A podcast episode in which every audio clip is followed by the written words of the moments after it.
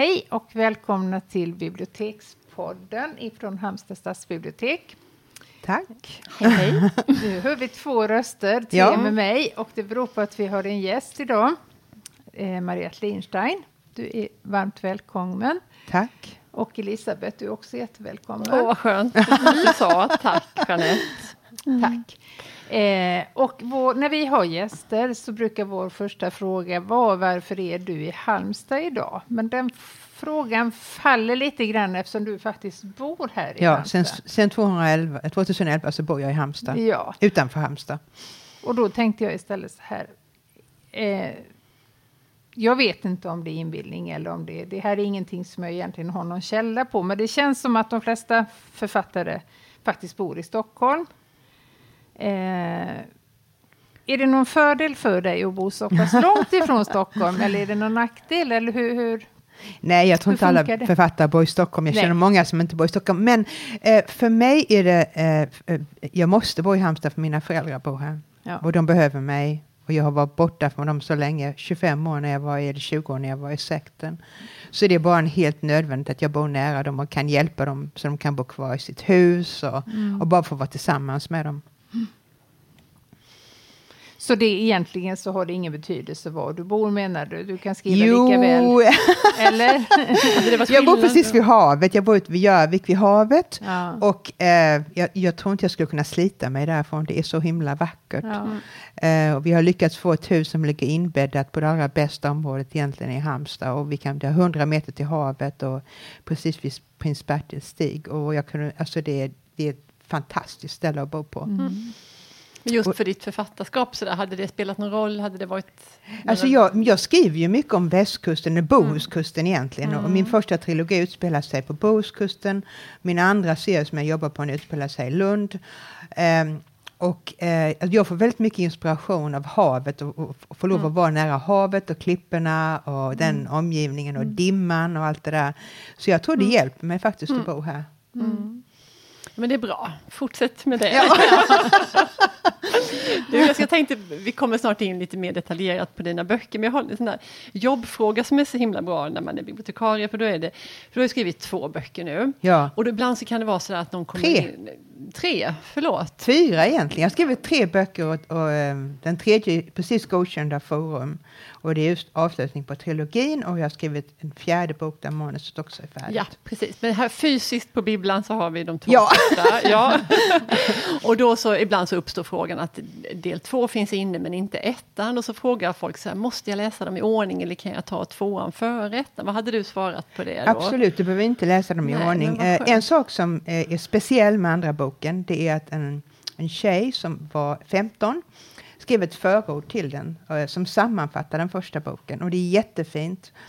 Och ehm, det gjorde vi specifikt så att folk inte skulle behöva läsa den första Nej, boken om nej. inte de ville. Nej, men det tycker, jag, det tycker jag känns så skönt. Ja. Jättebra. Ja, det gillar vi Du kan läsa den helt utan borde fler jobba. Men Ja. så får man kanske en djupare förståelse av själva Mm. sekten och bakgrunden när man läser den första. Så om man har ett val, då tycker jag man ska läsa den första Ja, först. om Men om man inte har den inne så kan man lika väl läsa tvåan. Ja, och sen kan man fördjupa sig och läsa ettan e- efter. Just det, Ja. det går helt bra. Det är Ja. helt okej. Och sen är tredje boken, eh, det har mitt nya förlag sett till, skriven på ett sätt så att man kan faktiskt läsa den utan att läsa de andra böckerna Mm. också.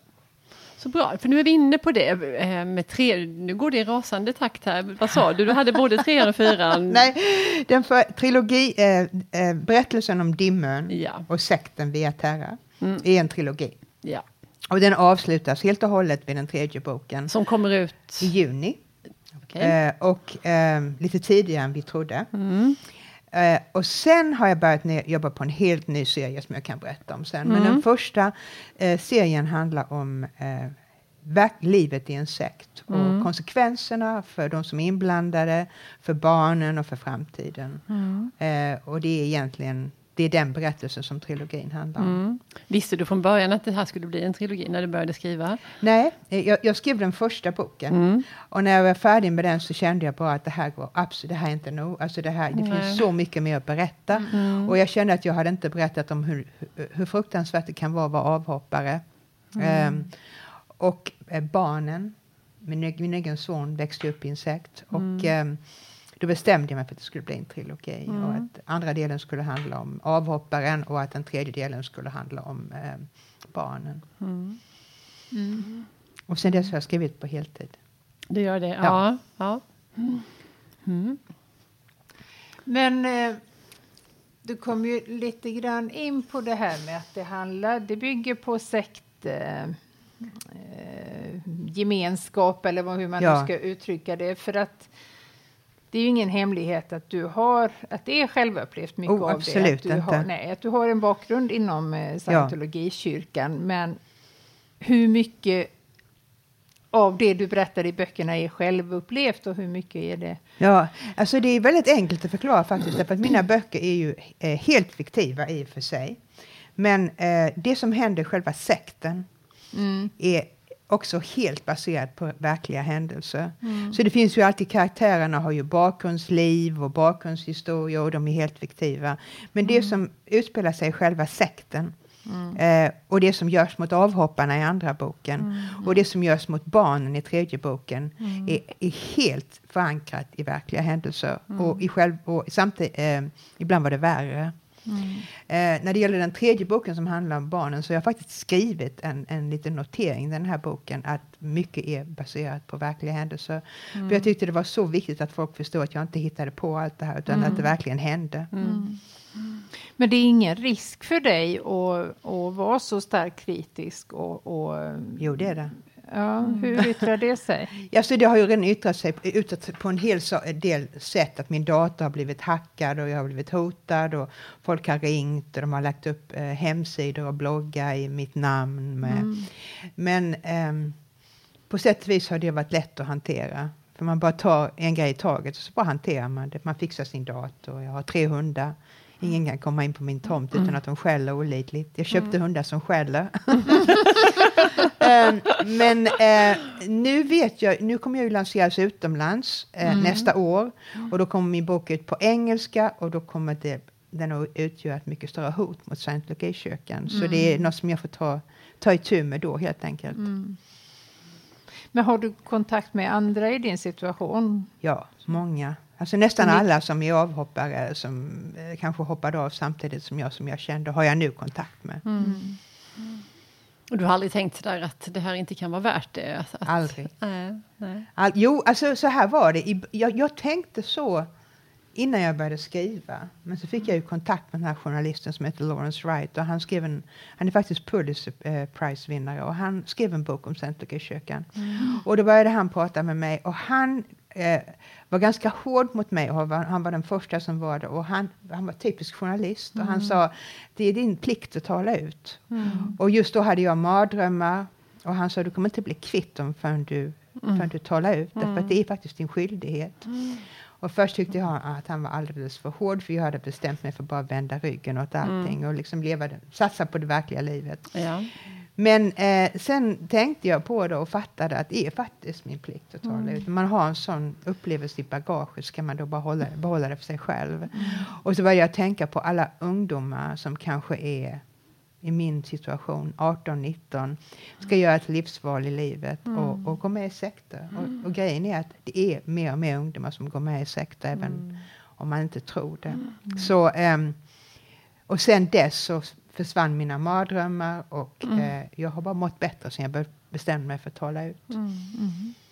Och det skadar ju inte att böckerna har gått så bra. Nej, Nej, nej, Nej men jag tänkte på det, att alltså, du har ju den här unika erfarenheten, men det verkar ju som väldigt många har så stort intresse av att läsa om det. Det är ju något, ja, någonting i, i böckerna och... jag tror jag vet varför det är Du så. tror du vet ja. det? Berätta. Jag tror inte det bara handlar om att folk är intresserade av sekter. Jag tror att eh, när vi, jag och min man kom ut ifrån kyrkan så, eh, så började vi märka, när vi hade vaknat upp från förvirringen, för vi hade inte varit ute i på det verkliga Nej. livet på 20 år. Hur lång tid tog det att vakna upp? Ja, vi, hade, vi klädde oss som på 80-talet, vi hade inga bankkonton, vad är en mobil, vi visste ingenting om internet, det tog flera år. Det är som Och att bara- suttit i fängelse. Jag vet Annika Östberg berättade, hon hade också sådana erfarenheter Ja. när hon kom ut från fängelset, att hon hade aldrig sett en mobiltelefon. Nej. Liksom, hur använder man den här? Och det var liksom, det var, som- vi var som småbarn. Ja. Och, och, men vi hade varandra, jag och min man. Vi gifte oss ganska snart och vi, vi bara kämpade oss så vi fick fotfäste igen i det verkliga livet. Men, ehm, men sen ehm, vad var frågan igen? Nu jag bort. Jo, nej, men Du hur vet långt... varför Ja, det det- folk det var är flera Ja, ja, men sen så började vi eh, se att märka att liknande saker som vi hade varit med om i sekten att förekom i samhället. Vi kunde se det i en misshandelsrelation eller en mobbningssituation eller kanske på ett jobb där en eh, chef körde med härskarmetoder. Och eh, det handlar om maktmissbruk, det handlar om manipulation, det handlar om sådana frågor som varför väljer folk att följa onda ledare? Och det kan man inte säga att det inte är sant. Därför att kolla på Donald Trump, det hände precis framför näsan på oss. Så, ehm, och det är därför jag tror att folk blir intresserade. Och när jag får brev eller mejl från läsare så handlar det alltid om att jag har en chef som är som Frans Oswald. Eller, alltså, de, de känner igen sig på något sätt, de har varit i någon liknande situation. Så jag, så jag tror att mina böcker eh, måste fylla ett bredare syfte än att bara varna för sekter. Ehm, Jätteintressant.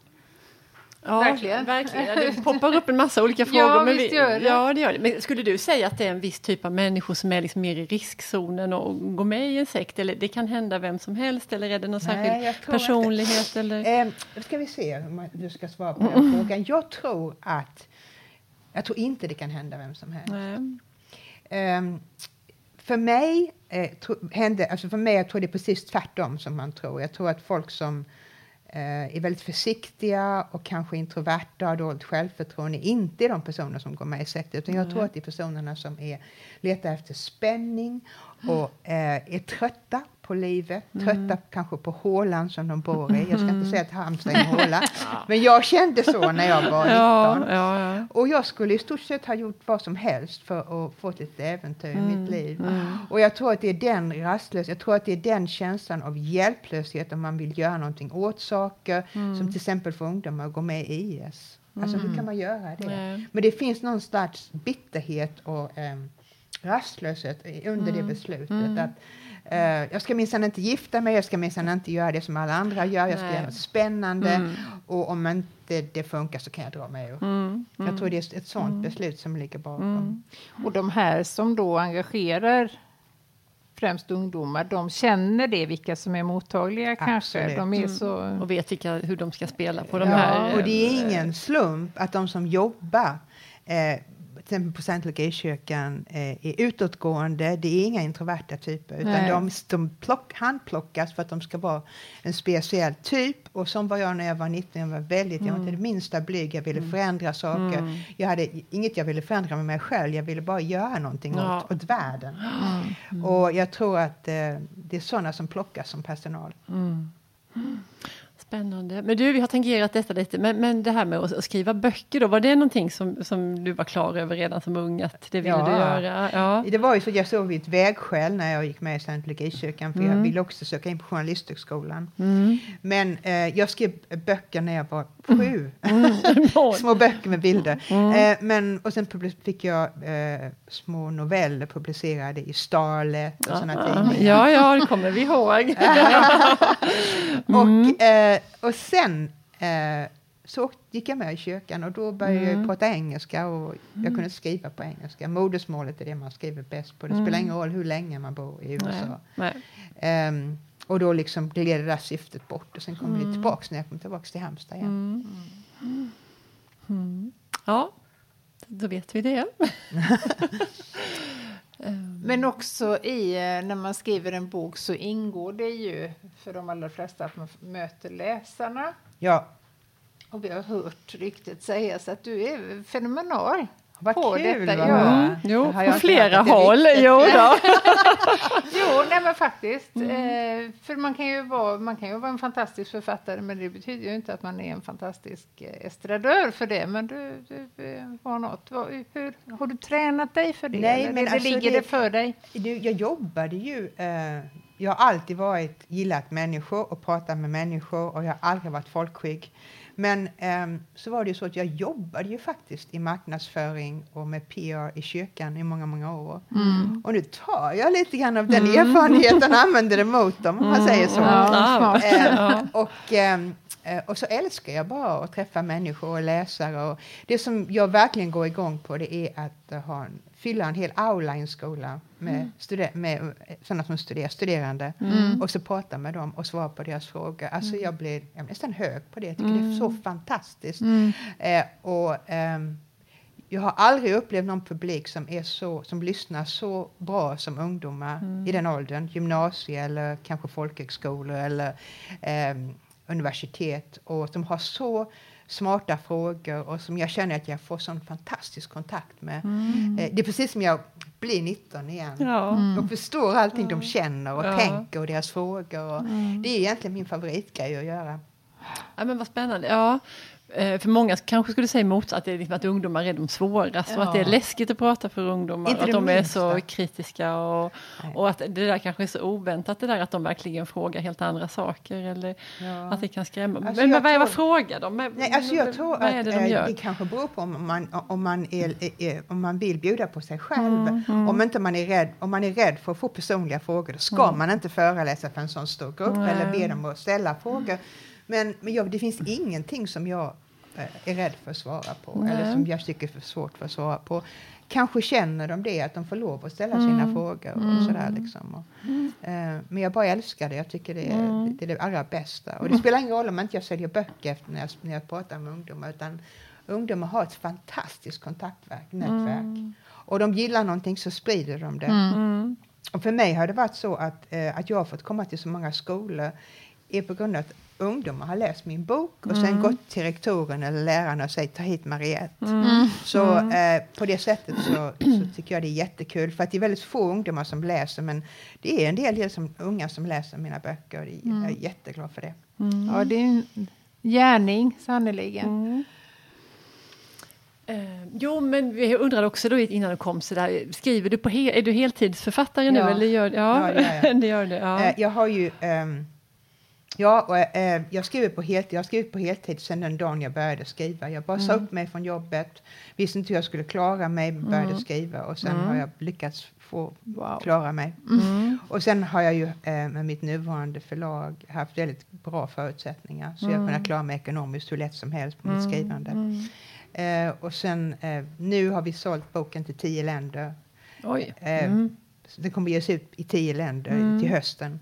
Så då kommer jag ju klara mig på på, på det. Mm. Um, men um, det har varit väldigt lite, jag har inte skrivit nog. Hösten och vintern har jag varit jätteengagerad med olika föredrag och bokmässan. Mm. Och, eh, jag pratade på en dag för boken på Ham, i Halmstad mm. och eh, har gjort flera turnéer. Och nu ska jag göra en Skåneturné den här helgen och sen så ska jag verkligen skriva. Mm.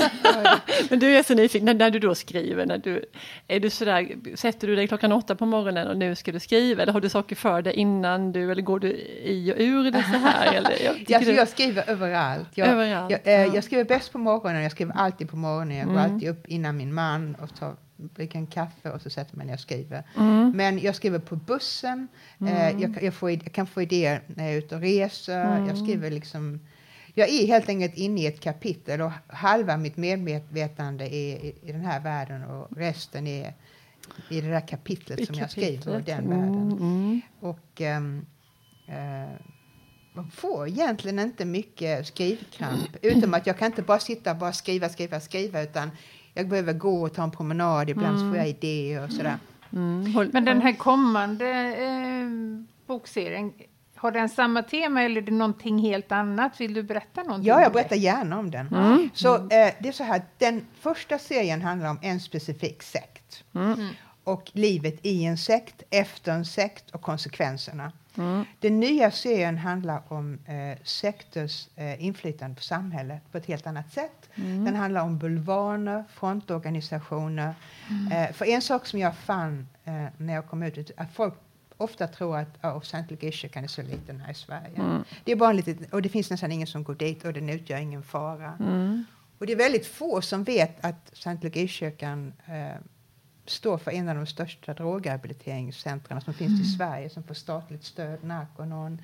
Att det finns en massa chefer som eh, tvingar sina anställda att ta scientologikurser och kallar dem någonting annat. Det här nätverket. Mm. Eh, och eh, jag blev väldigt intresserad av det när jag skrev mina andra böcker, för jag hittade bara mer om det. Och så bestämde jag mig för att jag skulle skriva en helt ny serie som handlar om det. Och vad som skulle hända om man hade en sekt som eh, på ett mer internationellt plan hade medlemmar i, i höga ämbeten. och sådär. Så det är det den handlar om. Du, jag, kom, jag kom på en sak som jag undrar över här nu. Ja. För nu gör, du, du förpackar liksom det här i skönlitterär form nu, Ja. dina böcker. Du, du har liksom inte Och tänkt... att- andra delen, eller den här andra serien, är ännu mer thriller. Ja. Och den är dessutom lite erotisk. Oh, ja.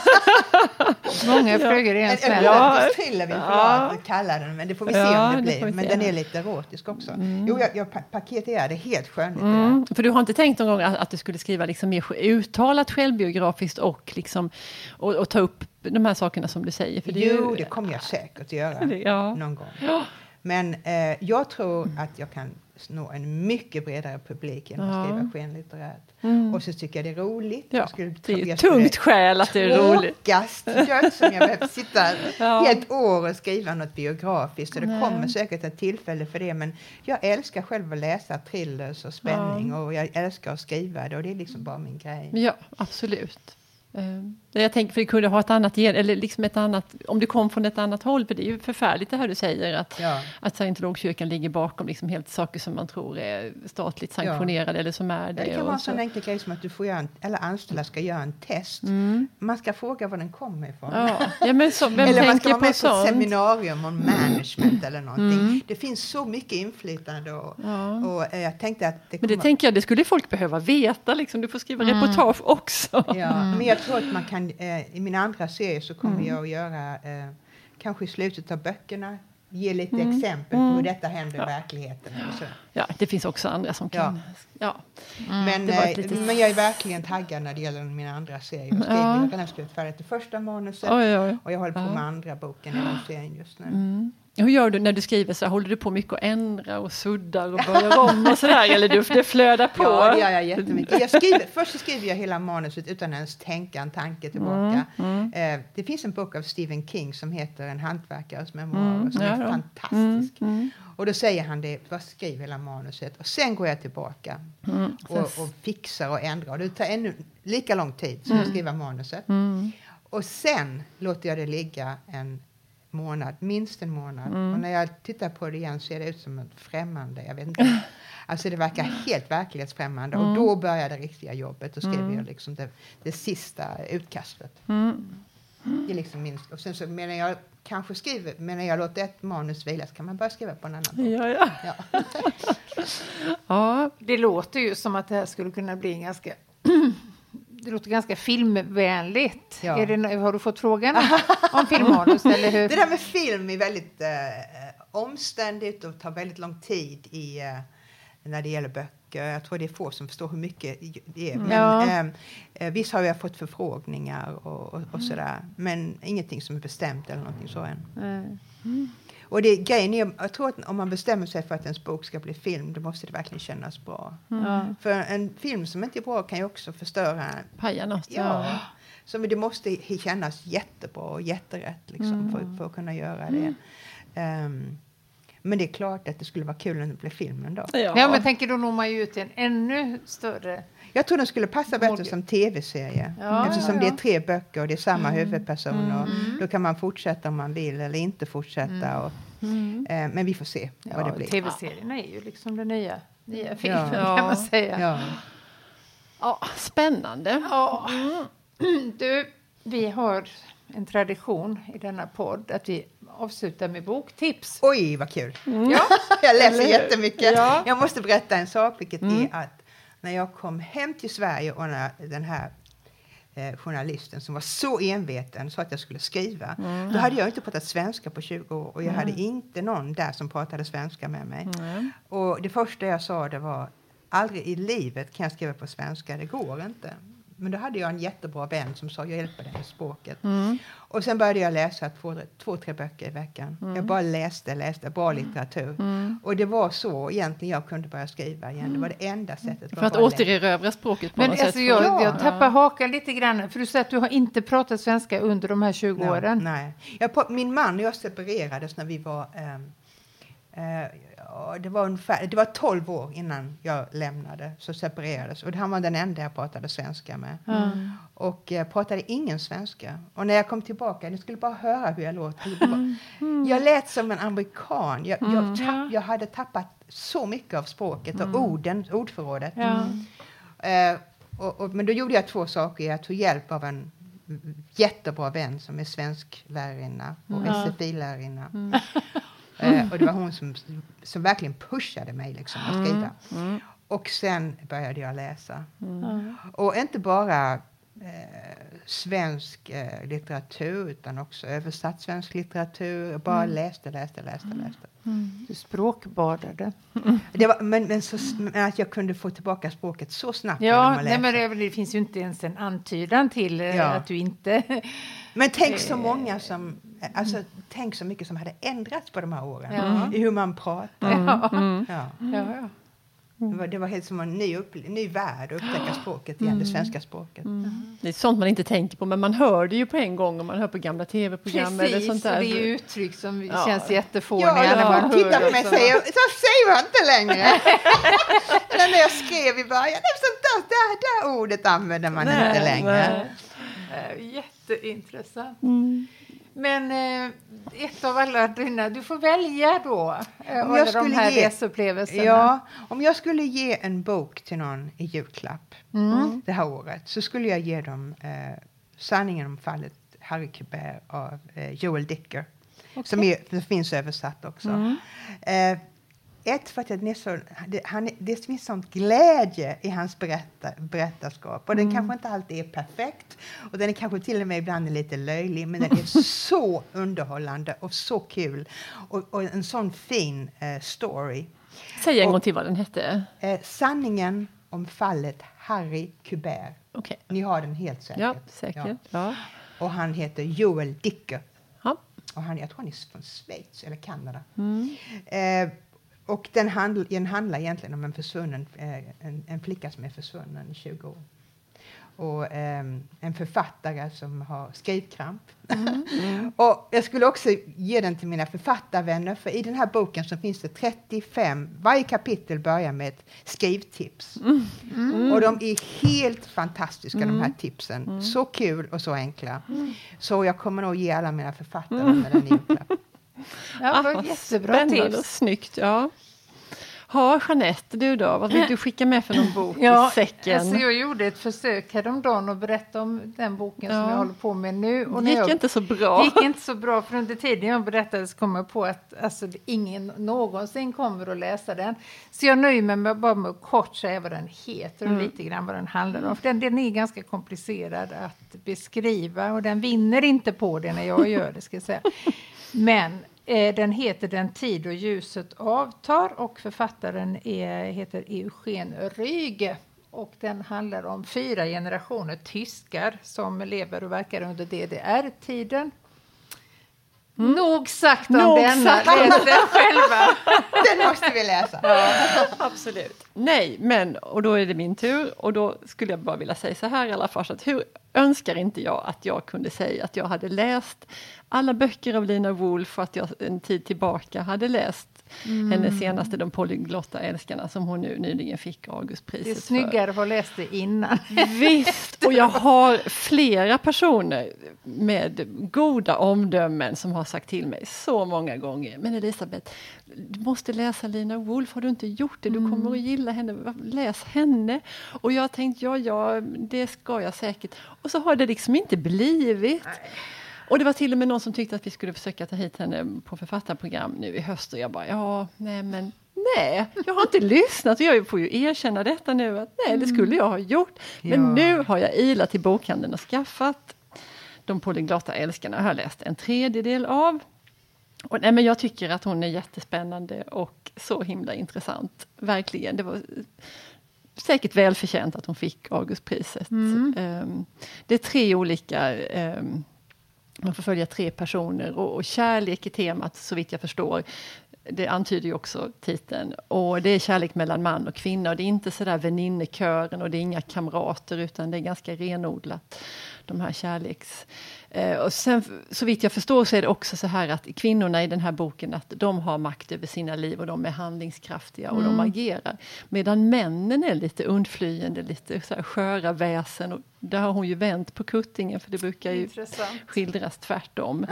så eh, jag längtar lite hem till mitt nattduksbord. De ja, polyglotta älskarna som väntar där. Oh, ja, ja. Jag har den här i väskan. Mm, jag håller på att läsa den just nu. Ja, ja. Spännande. Jag kom bara på, ihåg en sak. Jag, mm. jag, vi har inte sagt titeln på mina böcker. Men, Men vi då. nämnde ju Dimmen, för jag blev lite orolig i början där. Jag tänkte vi, vi kom in så abrupt på det. Men säg titeln. Ja, tänk om de vill läsa dem och de ja. inte vet vad de ja.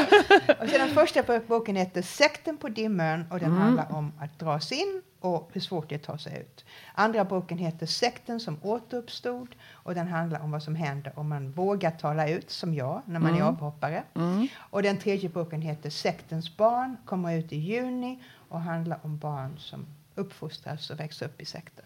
Mm. Bra! Ja, vad härligt! Vad bra! Men då så, då säger vi tack för idag. Tack Mariette för att ja. du tog dig tid att vara med oss här i podden. Tack för att jag fick komma hit. Ja. Härligt! Hej! Hej!